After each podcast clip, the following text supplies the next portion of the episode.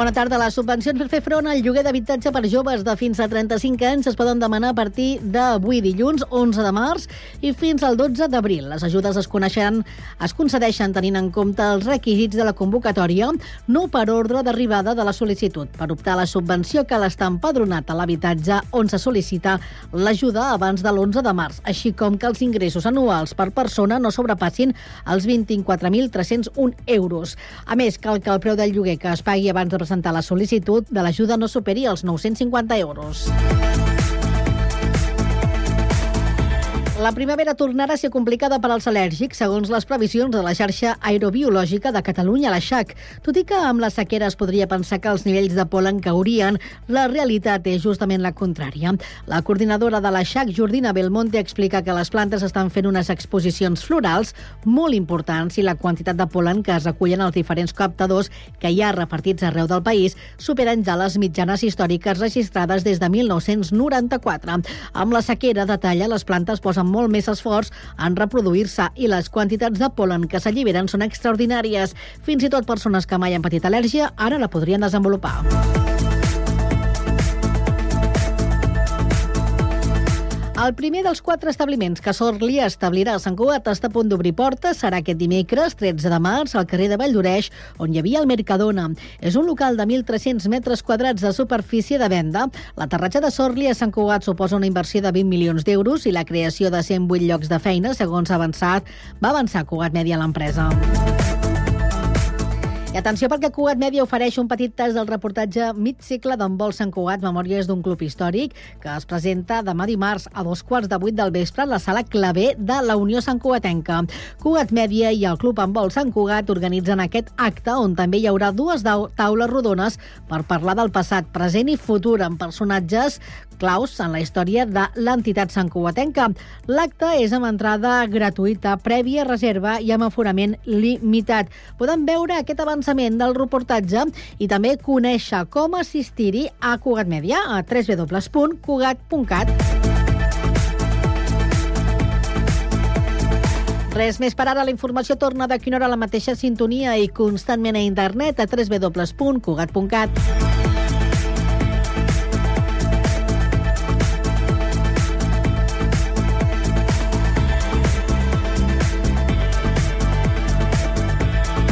Cugat Mèdia, la informació de referència a Sant Cugat.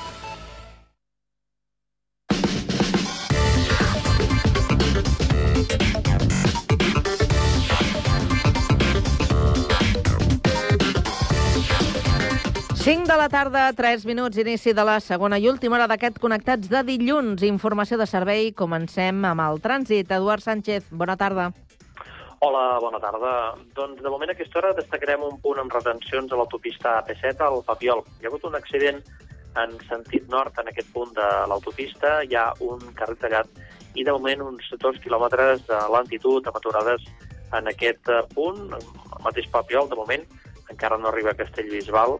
En sentit nord sí que afecta, però, la B23. Aquí al Papiol ja tenim també un altre quilòmetre d'aturades fins a connectar amb l'autopista AP7. Ara mateix és la principal incidència, de moment dins d'una tarda doncs, més o menys raonable, sense massa complicacions, sí en punts habituals que aquesta hora van carregats, sobretot l'entrada a Barcelona per la C58, entre Montcada i el nus de la Trinitat. És tot, bona tarda. Gràcies i bona tarda. Anem ara al Transmet eh, per saber com està funcionant el transport públic. Daniel Cáceres.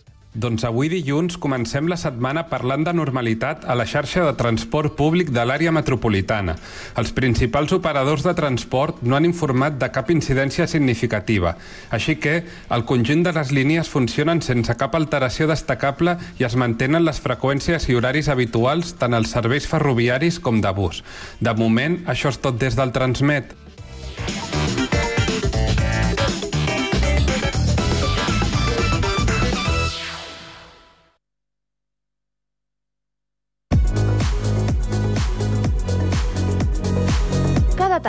946 Connectats. Una experiència radiofònica a Sabadell, Terrassa, Sant Cugat, Castellà, El Prat i Badalona.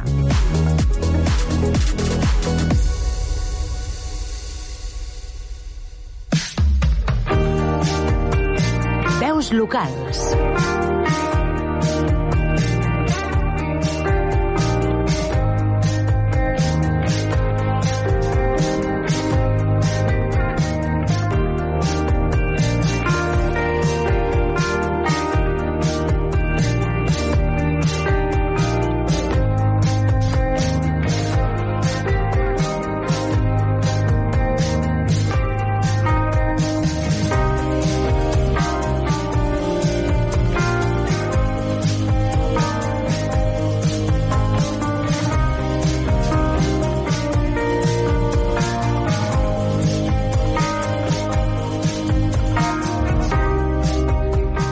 Estudiar Administració i Finances perquè els números i ajuda a la gent li atreien molt. Després de passar per altres empreses, ara té la seva i, a més, també té una part important d'un celler. Avui passa pel Connectats la terrassenca Aranxa Ferrando. Aranxa, bona tarda. Hola, bona tarda. Saludem el nostre company, Sergi Estapé. Sergi, bona tarda. Bona tarda. Bona tarda. Aranxa, tu quan tens clar que et volies dedicar al món de l'assessoria? Uf, jo penso que això ja em ve de petitona. sí, la veritat que sempre m'ha agradat molt el contacte amb les persones. Per mi és molt important el tu a tu. Uh -huh. Per alguna qüestió també familiar o res a veure? Res a veure. Jo sóc com l'ovella negra de la família. Uh -huh. I la teva trajectòria fins que arribes a crear Armi Assessors, la teva actual empresa, quina, quina ha estat? Perquè ja hem comentat que has estat eh, per diferents eh, empreses, eh, m'imagino que acumulant un munt d'experiència fins que un bon dia decideixes, ara em toca a mi. Sí, exacte. Doncs vaig començar, doncs, com tothom, no? amb unes pràctiques amb una gestoria aquí a Terrassa. Em va agradar molt la feina. Eh, em van vindre a buscar per anar a treballar com a assessoria externa de diferents entitats bancàries. Vaig anar treballant molt a dins fins que em van agafar directament pues, per treballar per una entitat bancària. No vaig tenir una bona experiència, per motius potser personals, bueno, diguem-ho, deixem en aquest tema, mm. i després vaig anar a parar amb una altra gestoria. I just amb l'advocat que venia a fer la feina externa es jubilava i tenia una gestoria i bueno, va oferir l'oportunitat i em vaig quedar una gestoria a Sabadell, que l'he portat durant 12 anys, fins que, bueno, també em va arribar l'oportunitat de fer un traspàs, eh, en ajudar el meu marit perquè va poder fer la compra de l'empresa on havia treballat tota la vida, li van oferir comprar-la, i vaig veure un gran projecte per fer-li un cop de mà. I un cop que ja l'he perd, doncs dic, escolta, el meu és una assessoria, doncs te'n tornem a obrir una altra. I així ens estem. Quan, en quan... aquest impàs... Ah, digue'm. No, quan tu decideixes crear la teva pròpia empresa, eh, com, com te la imagines? És a dir, després de, de veure eh, com han funcionat totes aquelles per on has passat, tu la teva volies que fos d'una determinada manera? Sí, per mi és molt important el tu a tu. Tots som persones, tenim noms i cognoms. A mi aquest tracte de, vale, és el client número 5 o el 3.000, no. Tots són persones i cada client penso que té, doncs, té el seu moment, eh, té les seves necessitats, ens hem d'ajustar i adequar a les necessitats de cadascú. Per nosaltres, aquí la gestoria és el més important. És a dir, que pràcticament fas una assessoria a la carta. Sí, hi ha molta gent, podríem dir, de companys de, del, del gremi, pues que és una cosa pues, que em diuen que no l'entenen, perquè em diuen, però és que perds, acabes perdent diners, perquè clar, t'has d'ajustar tant a la carta que a vegades t'impliques en coses que no ens tocaria. Però és que per mi l'important és que el meu client li funcioni el 100% el seu negoci. I per mi, com és el més important, doncs m'implico. I si tinc que ajudar-los, com si un dia m'haig de posar a ajudar-los, és que ho faria, perquè em neix, a mi em neix, a mi m'agrada anar a visitar els meus clients, què, com anem? Va, quedem demà, anem a fer un cafè, m'explica si tens algun problema, et puc ajudar. Per mi és molt important, molt. Mm. Aranxa, què tal, com estàs? Hola, Sergi. Què tal? Escolta'm una cosa, personalment eh, una de les coses que t'agrada molt és ajudar a persones eh, que emprenen, no? els nous emprenedors. Per, per quin motiu tens sí. aquest t'agrada tant eh, o, o tens aquesta afició? pues, potser eh, tinc aquesta, aquesta necessitat d'ajudar perquè quan jo vaig voler emprendre em vaig trobar bastant sola. Eh, jo sé que bueno, des d'estaments, ajuntaments, eh, empreses, intenten ajudar-te, però jo penso que no t'ajuden de la manera que necessitem. Necessitem una persona que es posi al nostre costat i ens digui què necessites, a veure, què t'amoïna? Mirem-ho, valorem, mm, buscar opcions. Eh, per exemple, a mi és una cosa molt important, et venen clients, no, és que vull muntar, per posar un exemple, una perruqueria. Vale, doncs, vols que busquem local? Jo t'acompanyo, anem a valorar. Eh, has valorat el poder comprar el traspàs d'una perruqueria i ja comences amb una cartera feta? bueno, m'agrada molt acompanyar-los perquè veig que es troben sols i és que realment hi ha gent molt, molt, però molt apta per fer-se emprenedora. I sempre estan amb les pors i, bueno, És com que m'agrada treure-li aquesta por. I és fàcil ser-ho?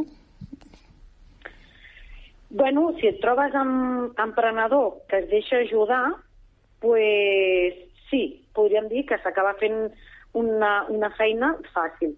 Però clar, sempre et trobes pues, amb agents externs, no és que el meu pare m'ha dit o és que el meu familiar m'ha dit, i jo sempre dic, dic, tu has d'escoltar el teu cor, perquè jo sempre ho dic, eh, un emprenedor, la seva feina surt del cor. I si no està a gust amb, la, amb el que està fent, és que no li funcionarà el negoci. Uh -huh. El que sí que tu tens clar, i això ho sé, que tens... bueno, no és que no és una sensació, sinó opines de que tampoc es necessita tant, no?, per emprendre, a vegades amb un ordinador, un telèfon i una taula, no? És, sí. és la teva teoria, sí. no? Sí, sí, sí, sí, i tant. I jo també inclús poso un contacte, eh, m'agrada molt, amb, doncs, porto emprenedors que comencen i, bueno, és que estic a casa, dic, bueno, és que no, no, no hi ha cap problema, des de casa podem començar.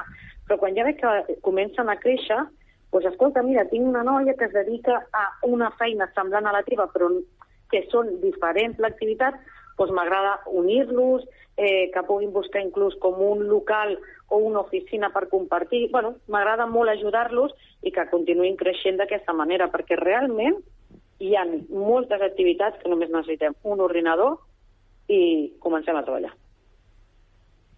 Mm -hmm. I com que no en tens prou, també ajudes a l'empresa de, del teu marit, no? Què fas exactament sí. allà? Que... pues allà m'agrada molt la feina que faig perquè bueno, la principal part que porto és la de recursos humans, perquè tenen una plantilla de 12 treballadors, i també els hi, li porto la, la part comptable, però conforme vaig estar, vaig començar, pues, a mi m'agrada molt el fet de fer com de, el que li diuen brand manager, que no deixa de ser donar a conèixer la, la marca. Què vull dir amb això? Mm, jo sé que hi ha molts distribuïdors que es poden dedicar a la mateixa activitat, però a mi m'agrada donar a conèixer l'equip humà que hi ha darrere de la nostra marca. I m'encanta la meva feina. Mm -hmm. Va, uh, jo ja tinc ganes. Explica, explica a la gent com vas acabar tenint el 40% de l'accionariat d'un cellers de vins. Va, explica'ns-ho, això que és molt bo. Bueno, això va ser... És una, per mi és una història molt maca, no?, perquè tenia un client a la gestoria de Sabadell i, bueno, ens portem res, tres o quatre anyets, i per mi el Joan és un crac en la seva feina, però la seva feina és fer dins, anar al seu camp, i, i, i fer el seu vi. Però el que era papers, bueno, era un desastre. I ho anava deixant, ho anava deixant, i jo sempre reia, va Joan, no deixis això, va Joan, tira per aquí, va Joan, fem això. I clar, eh, vaig agafar, bueno, jo baixava al celler, vaig un cop per setmana, a veure, que arriba tota aquesta setmana les factures, va, doncs me les emporto, t'ho poso, faig pressupostos, faig factures, i l'he animat, hem anat buscant subvencions, hem anat tirant endavant el celler, i a dia d'avui pues, ha crescut, li queda molt per créixer, però no ha deixat la, la il·lusió que tenia per fer els seus vins i caves. I, bueno, i així d'un dia per un altre pues, em truca i ve que estem allà al celler venen una distribuïdora i tal, i em presenta com la seva sòcia, i jo vaig pensar, dic, bueno, dic, això deu fer-ho per, per quedar bé o per fer-se més. I no, no, quan va marxar, pues, era la sorpresa que estava allà la seva mare, que el seu pare va morir, i la mare i ell doncs, em van dir, no, és que has ajudat tant el Joanet, perquè li vam dir Joanet, has ajudat tant el Joanet, i és que tu mereixes, em mereixes una part d'aquest celler, i així ens ha sigut. He passat a tenir un 40% d'aquest celler. I, escolta, Maranxa, eh, aquest és un celler que, que podem trobar a prop? Està a la zona del Vallès o per on, per on s'ubica? Està al pla, al pla del Penedès. Està al pla, al pla del Penedès? Sí, a prop de Vilafranca. Uh mhm. -huh. I com se't dona, sí, sí, aquesta, nova, com se't dona aquesta nova faceta? pues molt bé. El que passa que potser el meu cap va més ràpid que el celler, perquè jo tinc moltes idees. Vull eh, bueno, començar per arreglar tot el, tot el que és la part del celler. Té un pati molt gran, jo vull començar a fer trobades, eh, cates, que pugui vindre la gent a conèixer les nostres vinyes, eh, conèixer el nostre vi, el nostre cava, i, bueno, vaig molt ràpida i, clar, és el que diem, sempre els diners és el que ens van ens frenen una mica. Però, bueno, tenim moltíssimes idees i crec que podem arribar molt lluny, molt. Mm. Però tu, Aranxa, ja, el, el vi ja t'agradava, el tema del vi, o, o, o l'has après ara, o, o no L'he pres ara. A mi m'agrada- a mi- a mi m'agradava beure cava, m'agrada molt. Però eh, he hagut d'anar, com sempre li dic, quan baixo el Joan em fa com... li faig com una esponja, absorbeixo tot el que em diu i bueno, estic estudiant, vaig aprenent, però clar, el que té el superconeixement sempre és Joan. Però, bueno, el Joan el que li falta és una persona al costat, el que diem sempre, el mateix que un emprenedor, necessita una persona al costat que li posi una mà a l'espatlla i li digui som estic amb tu. I jo penso que això ho necessita tothom en un moment donat de la seva vida empresarial. I a mi m'encanta fer-ho. Sí. Ara ja en tens una mica, no, de vins o no? Bueno, estic, estic, estoy en ello. estic amb les varietats perquè, Déu meu, clar, perquè hi ha moltes varietats. Eh, per nosaltres el, el nostre fort és el xarel·lo vermell i a mi m'agrada molt dir-ho, que el xarel·lo vermell sí que ara comença a sortir molt, però és que el Joan ja fa molts anys que està treballant aquest xarel·lo vermell. També estem fent un cava de saúc, que és una cosa que no és coneguda i és espectacular de veure'l però, bueno, poquet a poquet, sí, sí, però jo crec que acabarem tindre el nostre lloc amb un bon nom. Escolta una cosa, així més en plan personal. M'ha dit un ocellet que t'agrada però molt el món del motor. Uf, a casa meva tot el que tingui motor ens torna bojos. Moltíssim. Inclús, bueno, és el que vaig comentar, Sergi, hem arribat a tindre d'un hobby, que és un hobby realment, una botiga de col·leccionisme. I, el, i la tenim, eh, la botiga de col·leccionisme també. I et queda temps per alguna cosa o no? Mana?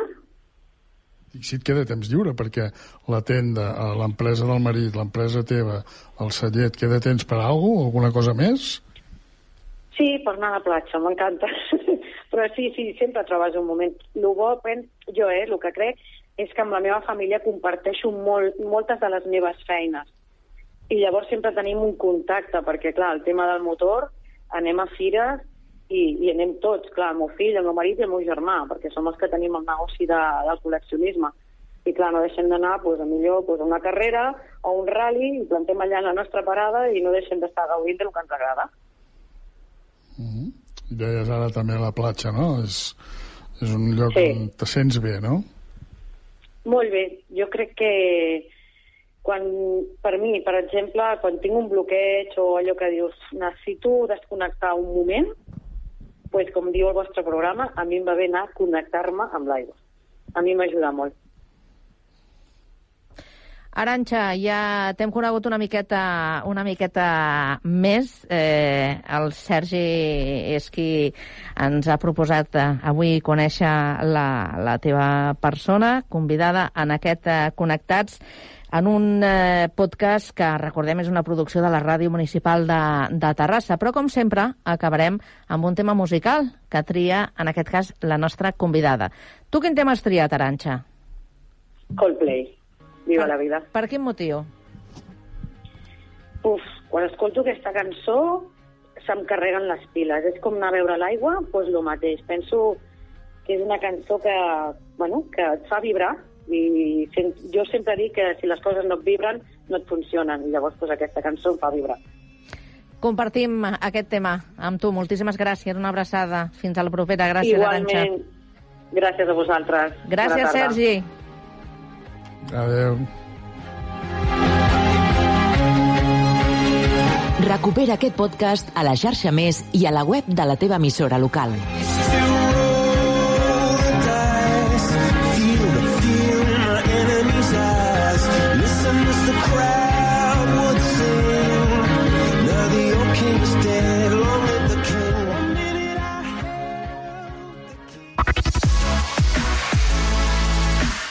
Connectats, una experiència radiofònica a Sabadell, Terrassa, Sant Cugat, El Prat, Castellà i Badalona.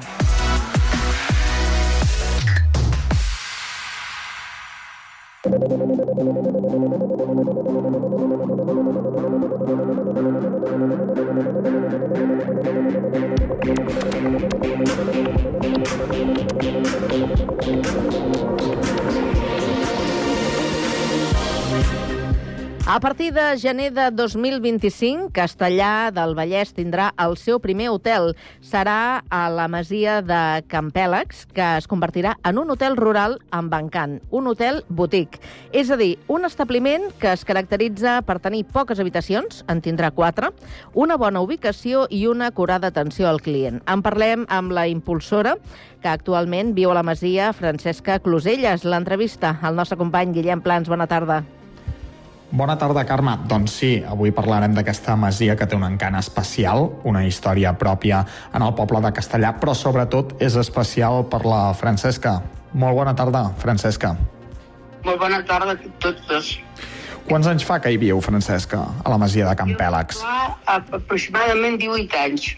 Mm -hmm. eh, la vaig restaurar, estava ja que es queia molt a terra i realment eh, la vaig eh, restaurar aconsellada per un paleta que tota la dia havia fet masies i va quedar una casa fantàstica. Com és que hi va anar a parar?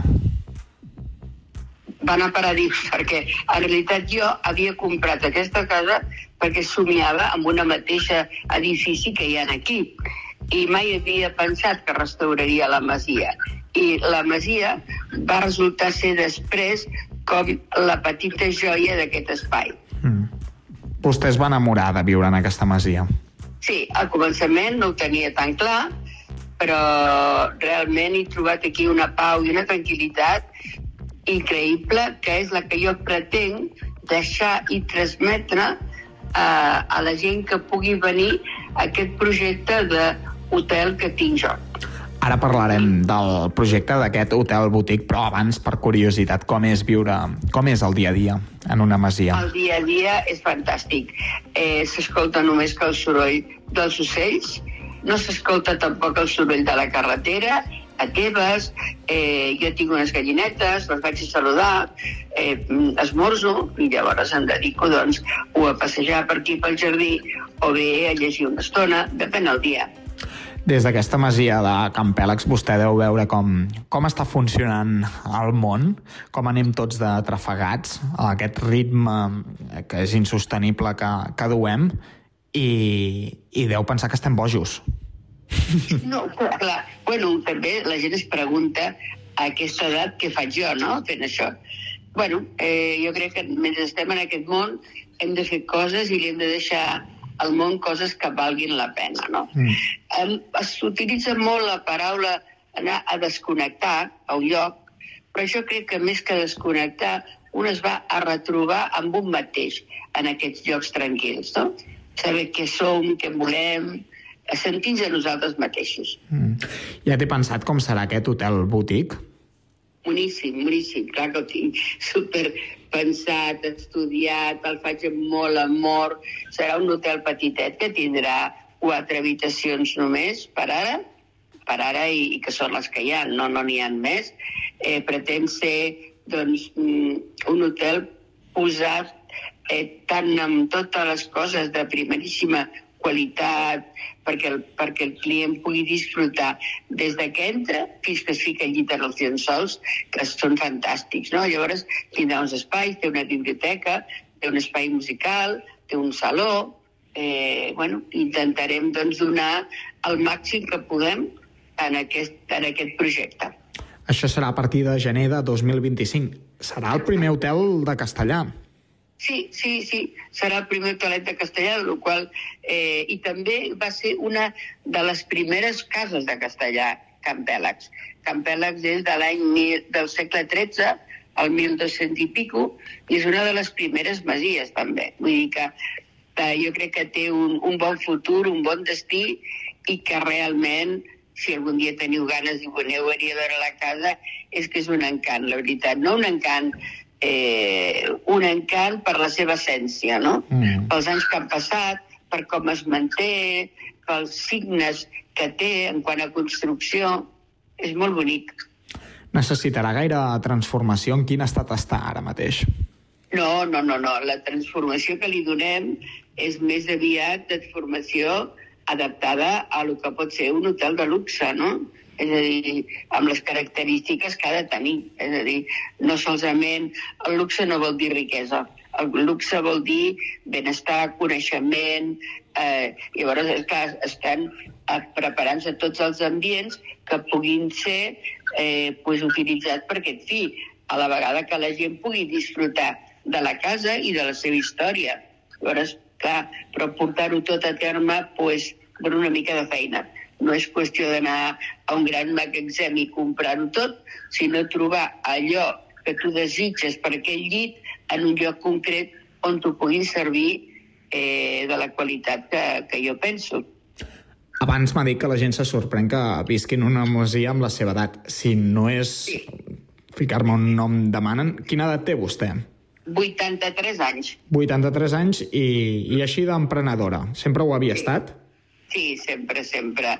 Sempre. Jo sóc odontòloga, eh, vaig ser també la primera odontòloga d'aquí Castellà, eh, i sempre, no és que sempre vulgui fer coses, eh, sinó que mm, sempre penso... Mm, bueno, els projectes em eren sols, no, no és que es busqui, no és que jo, la gent es pensa que jo necessito això per entretenir-me. No, no, no, jo m'entretenc eh, amb altres coses. Simplement que a mi me gusta, me gusta, m'agrada crear espais. I, i, I aquest espai, que és eh, arqueològicament és, és un tresor, hem convertit en un hotel en el qual participem els meus sis fills i jo, que dirà Campèlex Rural SL, i es conservarà així el patrimoni de Castellà. És a dir, que tot plegat no ho farà sola, sinó amb l'ajuda dels seus sis fills. Bueno, sí, m'ajuden bastant, sí, sí, m'ajuden bastant. bastant. Però vostè té pinta de portar la veu cantant. Sí, sí. Bé, eh, vaig, ara en aquests coses que endrecem em va aparèixer l'altre una carta que em va escriure una, una de les meves filles que tenia en aquell moment 9 anys i explicava que la, la mare havia comprat una casa molt arruïnada i que conversava amb la gent per demanar consell, però llavors ella acabava fent el que volia, no?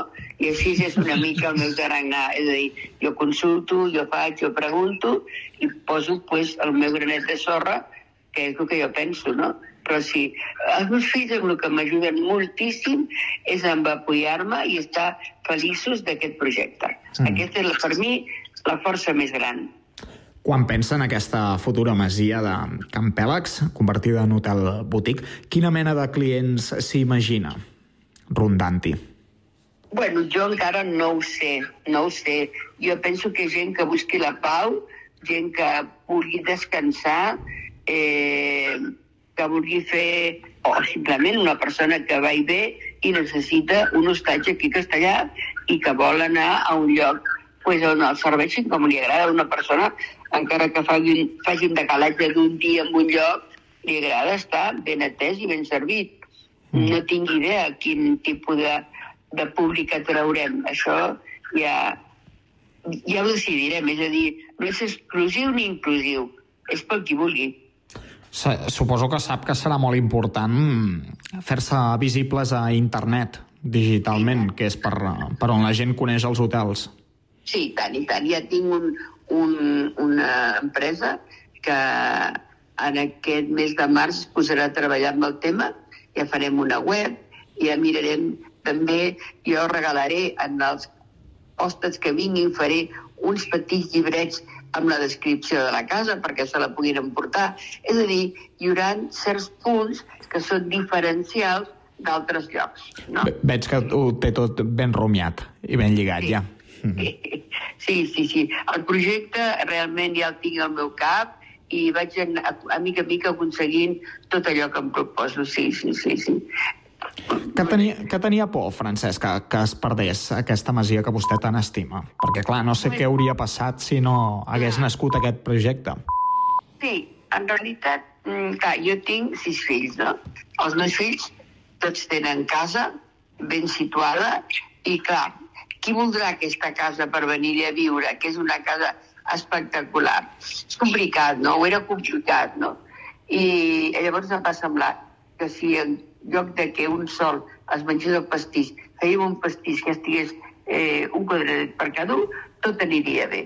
El projecte quedaria en funcionament, l'hotel quedarà en funcionament i, i Can Peles continuarà sent de, de la família Cruselles Barrio Nuevo. És el que jo pretenc, que aquesta casa no es perdi, no? És a dir, hi ha moltes cases, moltes masies antigues que la gent les podria restaurar i fer-les servir com hotel, no? Jo crec que tenim tresors aquí a Catalunya que s'haurien d'explotar una miqueta més. És un projecte complicat reformar patrimoni tan antic? No, perquè ja la reforma gran la vaig fer quan vaig reconstruir la casa abans de venir-hi a viure. Això sí que ja, això sí que va tenir un cost econòmic. I aquest també el tindrà, perquè tot el que hi poso és bastant, bastant eh, de pressupost alt, no? Però, bueno, jo crec que amb il·lusió en aquest món es poden fer moltes coses. Ens quedem amb, amb aquesta frase tan, tan optimista, Francesca. Sí, sí, sí, sí. jo crec que el, el saber on anem, el saber el que volem, el saber que ens fa feliços, tot allò ens porta al punt on volem arribar. No ho dubtis. No ho dubto pas. Francesca, moltíssimes gràcies per atendre'ns al Connectats. D'acord, no, no faltaria més cap problema. Quan vosaltres voleu. Un, un emprenedor amb un, amb un esperit exemplar, eh? No, home, no. Normal. Tot, tothom el té, aquest esperit. El que passa que a vegades no fan anar però sí. tots el tenim, tots el tenim a dintre. Gràcies per trucar-me. Ja ens agradaria. Molt bona tarda. I molt bona tarda a tu també, Carme. Gràcies, Guillem. Bona tarda als dos.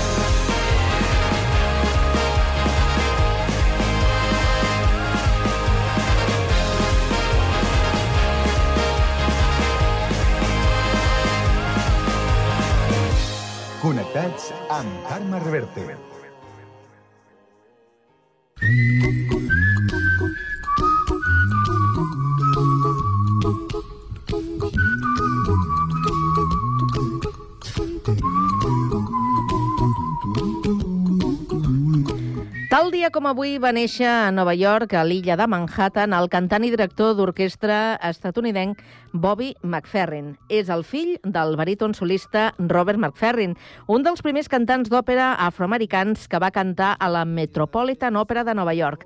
Bobby és conegut per tenir un gran rang vocal de quatre octaves i per la seva habilitat per fer servir la seva veu per crear efectes de so, com la recreació d'un baix sobresaturat cantant i colpejant suau suaument al seu pit. Va arribar al número 1 a les llistes d'èxits eh, dels Estats Units amb una cançó de la banda sonora de la pel·lícula Cocktail, i és aquest Don't Worry, Be Happy.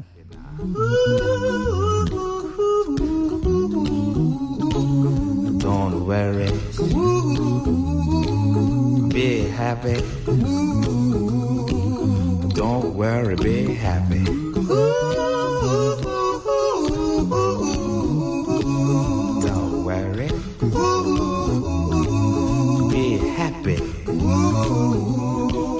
Don't worry, be happy.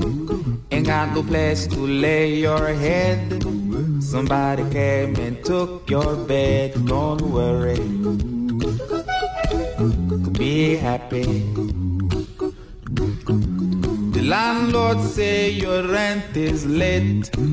He may have to litigate. Don't worry. Be happy. Look at me, I'm happy.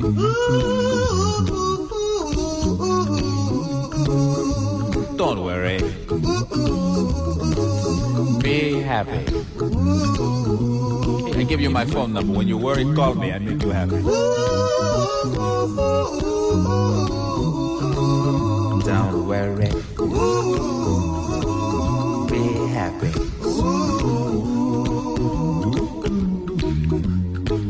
Ain't got no cash, ain't got no style, ain't got no gal to make you smile, but don't worry. Be happy. When you worry, your face will frown, and that will bring everybody down. So don't worry. Be happy. Don't worry. Be happy now. Don't worry. Be happy. Don't worry, be happy.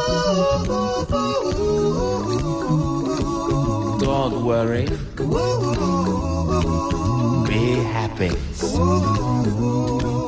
Don't worry, be happy.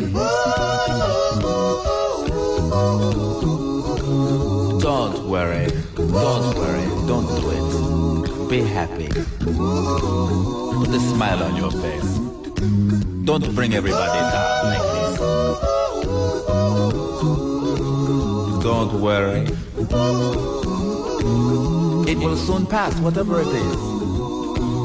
Don't worry, be happy.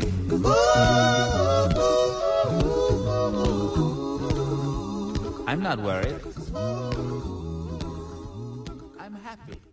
A la tarda, no et desconnectis. A la teva ràdio local, connectats. Can't touch this. Touch this.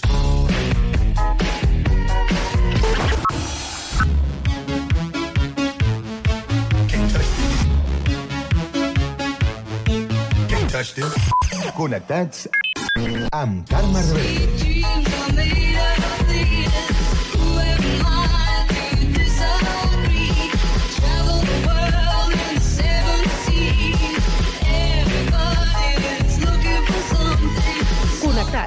Una experiència radiofònica a Sabadell, Terrassa, Sant Cugat, El Prat, Castellà i Badalona.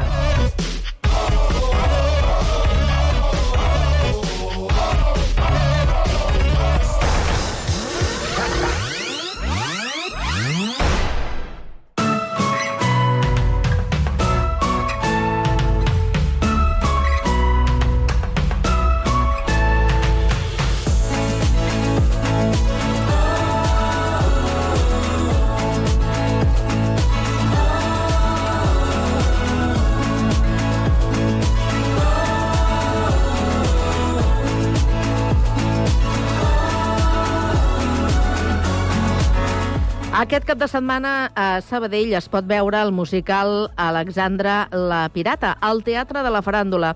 La funció del dissabte a les 6 de la tarda s'emmarcarà en la iniciativa Cap Butaca Buida, que vol convertir Catalunya en la capital de les arts escèniques. I encara hi haurà les funcions del diumenge a les 12 del migdia i a les 6 de la tarda. Voleu saber de què va? El Pau Duran ens en fa 5 cèntims. Al matí de Ràdio Sabadell. Sempre he viscut al port, he vist tots els vaixells, els conec tots nous i vells.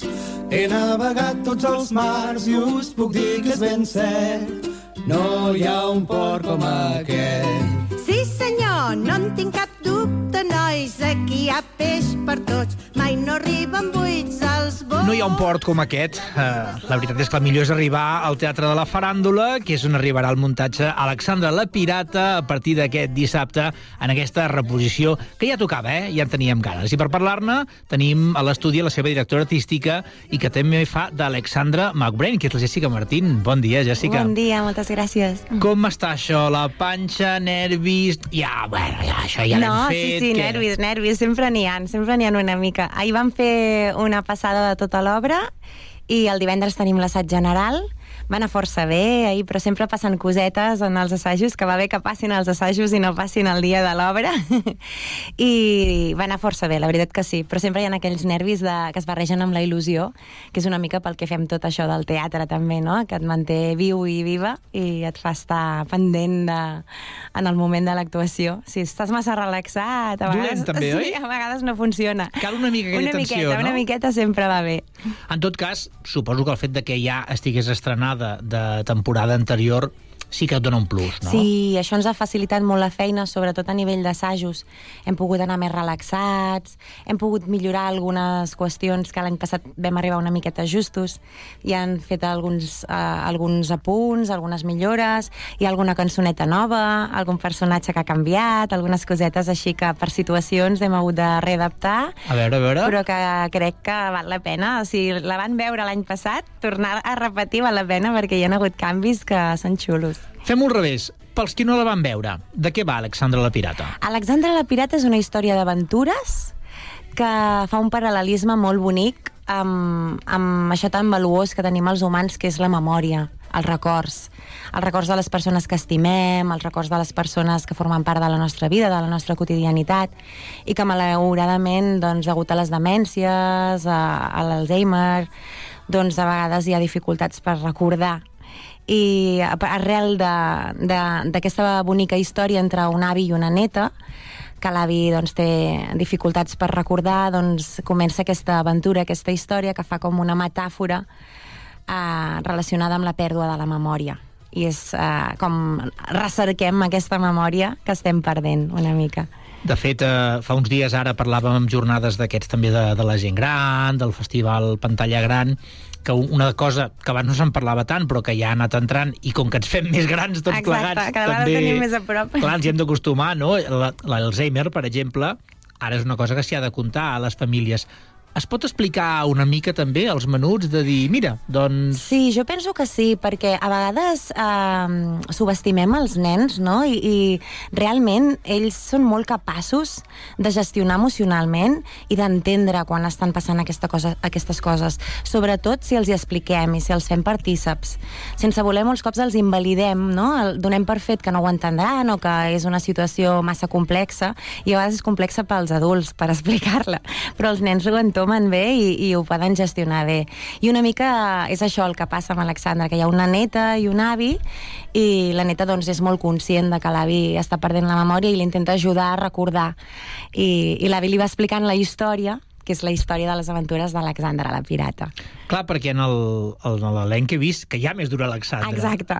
Hi ha l'Alexandra Colomer, que és l'Alexandra Peditona, que és la neta de l'avi Pol, i llavors hi ha l'Alexandra McBrain, que és com l'alter ego de, de l'Alexandra petita, que, que és la imaginació de l'Alexandra, no? i amb l'explicació aquesta de l'avi Pol, i és uh, aquesta uh, pirata aventurera que, que fa tota, representa que desenvolupa tota aquesta història en la recerca de la memòria, però mentrestant l'avi Pol i l'Alexandra van fent petites intervencions que rescaten un moment i recorden a l'espectador que, que tot això que estem veient i que tot això que està passant forma part de la memòria i de l'explicació de l'avi i, de la, i de la neta.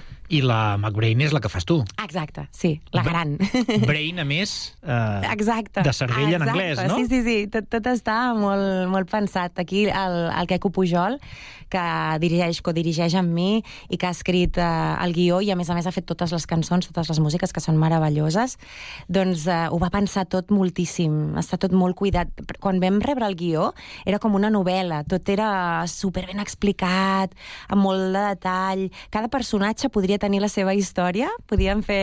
Eh, Un spin-off, un no? spin-off exacte de cada personatge, perquè realment té molt de suc, és molt ric. El que passa és que, clar, amb una hora i poc es, expliquem el que podem, no? Però, I pensant en els nens també, que se'ls hi faci a me. Passa molt de pressa, això és veritat que passa super ràpid i que és molt distreta, molt divertida. Passen moltes coses, amb el que no dona temps d'avorrir-se, passa molt ràpid i hi ha moltes sorpreses que no, de, no desvetllaré.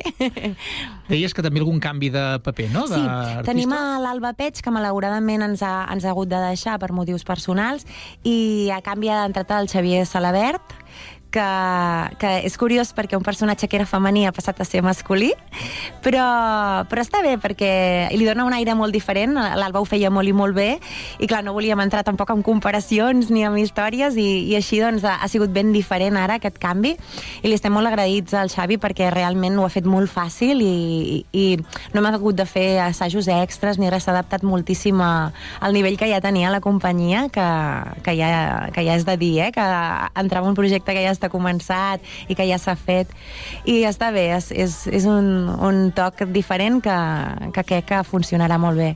Clar, suposo que el, el, és, o sigui, sou molta gent. Sí. Eh, és, és una mica el, un dels, dels valors potents, no?, que saps que quan dius joventut de la faràndula, allà espectacle n'hi haurà eh, dojo, Assegurat, sí. és molta gent implicada, però tela quadrar totes aquestes agendes, no? Sí, déu nhi La veritat és que sí, que és complicat a l'hora de fer assajos.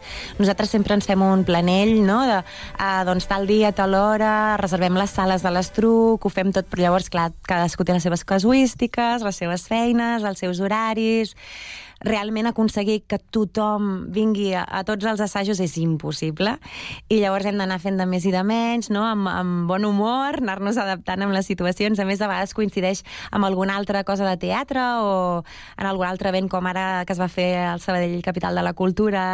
Aleshores, clar, és complicat perquè tothom té altres coses, però bé, sempre amb bona voluntat i amb ganes ho anem adaptant tot perquè pugui venir el màxim de gent possible i puguem anar avançant en, en els assajos. Eh, tu, a nivell del teu personal, del teu personatge, d'una temporada a l'altra, encara que fos per tu sola, eh? Sí. sense implicar més gent en, en la construcció, però vas dir, ostres, i si el tiro més Sí. cap aquí?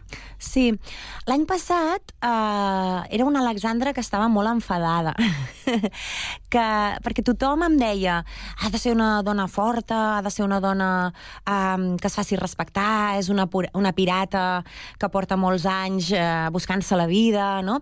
I a vegades ens confonem i pensem que les persones, eh, si es mostren rudes i es mostren, eh, eh, com ho diria, eh, molt seques, és perquè són més fortes i sovint és perquè són més dèbils. I a vegades les persones fortes són aquelles que es poden permetre ser més dòcils, més amables perquè poden gestionar millor les seves emocions i no necessiten mostrar tant aquesta fortalesa. I aquesta vegada eh, sí que també a l'entrar el Xavi mm, sense voler, quan estàs vinculat amb un altre actor, el feedback que et dona et, et genera coses noves, emocions noves, i he portat el personatge una miqueta més relaxat, una miqueta més eh, divertidet. Eh, no molt, perquè també el text és el que és i, i l'Alexandra té el rol, diguéssim, ranci de l'obra, però sí que s'ha relaxat una miqueta més. No, no té tanta necessitat de d'imposar-se o d'estar tan enfadada, sinó que més aviat es deixa sorprendre, es deixa portar i, i les aventures transcorren igual i segueix estant empoderada i segueix aconseguint els seus objectius sense enfadar-se tant. Però mantenint aquesta fortalesa que ens dius, Exacte, sí, mantenint aquesta fortalesa, una mica per ser fidel a aquesta història d'aquesta nena que d'alguna manera va ser abandonada i, i s'ha fet ella mateixa. S'ha fet ella mateixa visquent, convivint amb pirates. Aleshores, clar, hi ha aquest punt que no es pot perdre, no?, de rudesa, anem a dir, no?, de que s'ha criat en un món que, que, és, que és ru- rudo i, i, i complicat per una noia, no? Clar. I s'ha anat fent gran amb aquesta fortalesa, però amb bon humor. Si comparem el calendari, o si vols, digue-li les hores invertides de la preparació d'aquesta restrena, Sí. amb el que va ser muntar-la mm, d'inici, Uh -huh. Més o menys, quin, quina diries que seria la comparació? Quin esforç ha suposat ara comparativament amb el de l'arrencada? Molt diferent, realment molt diferent. L'any passat hi vam invertir, jo diria, parlo de memòria i sóc bastant fatal amb les, dat amb les dates, eh? però jo diria que hi vam dedicar uns tres mesos i aquesta vegada amb un mes i mig eh, en quant a temps, eh? I la intensitat dels assajos també molt diferent, um, perquè uh, l'any passat vam fer tres assajos setmanals i aquest any hem fet dos i la veritat és que molt bé. Uh, vam fer al, prim, principi com una mica de recordatori i muntar aquesta escena nova, que calia fer-la refer-la de nou, Després vam incidir en aquelles escenes que coixejaven una mica, que sempre n'hi ha algunes, sobretot les que participa moltíssima gent, que són com més difícils de gestionar. Aquestes uh, les vam fer mm, amb més, amb més temps, diguéssim, i després ja vam començar a, a fer passes, que diem nosaltres, que és a, a rodar-les per anar agafant soltura, perquè mm, pels actors és, és bastant bo, no? Quan, quan aconsegueixes fer l'obra sencera, el tren emocional que tu tens és el lògic de l'obra i això t'ajuda a trobar més el personatge i que surtin co més cosetes, no?, que vagin sortint. I crec que aquesta segona temporada ha sigut això. Tots han sumat. Tots els actors tots i cadascun d'ells, per petit que sigui el seu paper, han sumat. Han, han fet alguna coseta de més, algun detallet, han trobat coses noves, s'hi han pogut dedicar una miqueta més. I això és molt xulo, molt bonic de, de veure i de sentir i de poder, de poder experimentar-ho. És per això que els actors els hi fa una mica més de mandra quan dius anem a fer l'escena aquesta, no? perquè no, no vas de seguit. Ah, sí, perquè o sigui, eh, quan, quan treballes així més quirúrgicament, no? que ataques aquella escena i t'atures allà, a vegades quan a, a vegades passen dues coses, que quan es repeteix moltíssimes vegades una escena, l'actor arriba un moment que, que ja es bloqueja i ja, ja li pots anar dient que, que Què no, ja no pot més, exacte, ja, ja no sap ni què està fent, perquè el coco no, no pot processar-ho tot. I a vegades també passa que es, que, que es fa feixuc, per, per exemple, si, si estem incidint molt en un actor concret que se'ns ha encallat i els altres estan esperant, se'ls hi fa més pesadet haver d'aguantar. Però bueno, és un, una cosa que forma part de, del teatre i que tots ens ha passat que algun dia ens hem encallat nosaltres o, o algun dia hem hagut d'esperar, no? I es fa una mica més pesadet. Llavors, quan es fa tota seguida, ja, com que ja portes l'emoció, a l'energia ja puja i ja vas de seguit amb, amb tot el tren que portes, es passa més ràpid, es fa més amè... Jo crec que es gaudeix molt més. I almenys a mi em funciona molt com a actriu per, per fer-ho millor, per entrar més... Pues, si m'he d'emocionar, m'és molt més fàcil, si he de... No sé, si he d'enfadar-me, doncs també m'és molt més fàcil i em passa molt ràpid. Actualment, què dura el muntatge, ara? Uh, ara et mentiré, eh? Una hora i molt poquet, diria, sí. Però ha pujat una mica amb no, aquesta no, escena no, que ens no, no, deies? no, no, què va? No, no, no, no. Es, es manté exactament igual. El que hem fet és el text que hi havia de l'escena 2 l'hem convertit en cançonetes. O sigui, és meitat text, meitat cançó. Mig parlat, mig, ca mig cantat. El que el fa encara més amè i més divertit. És una mica esbojarrat. I com que és pràcticament la primera escena, ja l'escena de l'avi Pol i l'Alexandre, i de seguida ja entrem amb l'escena 2, volíem donar-li una mica de ritme ja d'entrada, no? que ja comencés i ja, i ja la- l'espectador connectés de seguida amb aquesta es- esbojarrament de, de l'obra. Uh, dissabte a les 6 s'aixecarà el taló sí. després d'haver fet exitars uh, exaurint amb pastorets, exitars amb baladí. Això pesa o en aquell moment no s'hi pensa? Jo, ho comentàvem abans, jo sóc bastant eh, feliciana i no hi penso massa. Sí que és veritat que, que eh, la faràndula té molta tradició d'haver fet eh, eh, títols molt, molt coneguts i molt reconeguts, eh, perquè són títols Disney o perquè són títols de contes molt clàssics, i que, clar, quan hem fet una obra inèdita, doncs sempre costa més, perquè la gent no ho coneix. Alexandre la Pirata doncs no hi, no hi ha el conte, no hi ha el llibre, és una història que la gent no coneix. Però penso que també és molt interessant apostar per, per això, per crear coses noves, per, per també conscienciar la gent de que no tot, ha- no tot ha de ser no, el que ja està fet de sempre, no? i si no, si no ens arrisquem a fer coses noves sempre estarem anclats en el mateix. I una mica també la història de l'Alexandra va néixer per això, per, vinga, apostem per una història diferent, on la dona sigui forta, on, la, on una dona uh, més gran pugui ser un personatge important, tot i que és molt coral, eh, l'obra, tothom, els personatges tots són importants, però una mica uh, acabar amb aquesta història de que sempre ha de ser una princesa, noia, jove, amb un perfil molt concret, que és el que ens hem educat i ens hem criat, no? I trencar una mica una llança a favor de, doncs, d'això, de que una dona es pot empoderar sent més gran, de que no fa falta que els rols eh, de pirates els facin sempre els homes, que podem apostar una miqueta, que evidentment que tenim molts homes a, a l'obra i ho fan superbé i que estem molt contentes, però però una mica això, a fer, fer coses noves doncs ens ajuda a obrir-nos també a nivell mental no? i acollir noves històries, que això ens fa créixer a tots, que no quedar-nos sempre amb el mateix. I això és un petit risc que, que corres, perquè clar, la gent tendeix, tendim, eh, m'incloc, tendim a anar a allò que coneixem, perquè sabem que ens agradarà, saps què vas a veure. I clar, quan és una història penses, ai, aviam, què faran aquests? Doncs no, està superbé la història, poden venir tranquil·lament, perquè és una història super divertida, que passa molt lleugera i que, que és interessant de veure, perquè, a part, o sigui, tens tot, tots els uh, ingredients necessaris per, per una història de bon gust. Tens emo- emoció, tens riure, tens uh, acció, ho tens tot. Jessica Martín, moltes gràcies per venir a Ràdio Sabadell a fer-nos aquesta prèvia d'Alexandre la Pirata. A vosaltres, moltíssimes gràcies.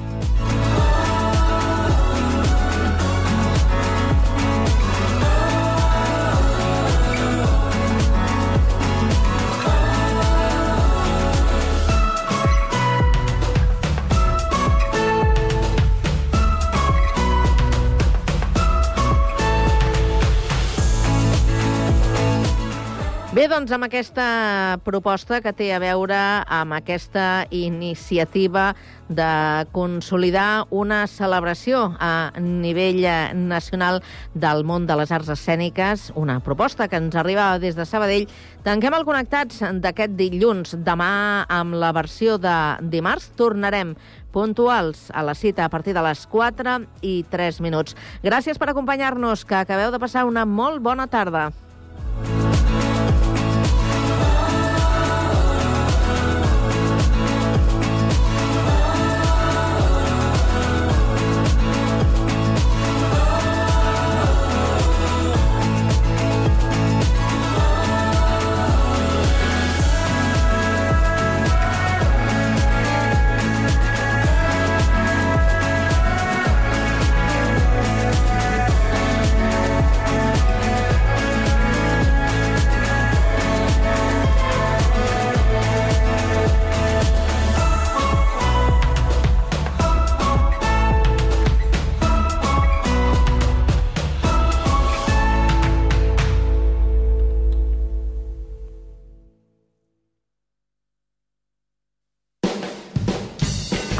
Sabor autèntic i natural, amb garantia d'origen, el trobaràs a Carnisseria Sagarra. Des de 1960 treballem per portar els millors productes a la teva taula. Carns i aus de primera qualitat amb totes les garanties sanitàries. Carnisseria Sagarra. Qualitat, servei i professionalitat en carns, plats preparats i amb tots els nostres productes. Som al carrer Francesc Moragas 13 i en Davallada 22 de Sant Cugat del Vallès. Ara també pots fer la teva compra online a www.cesagarra.com.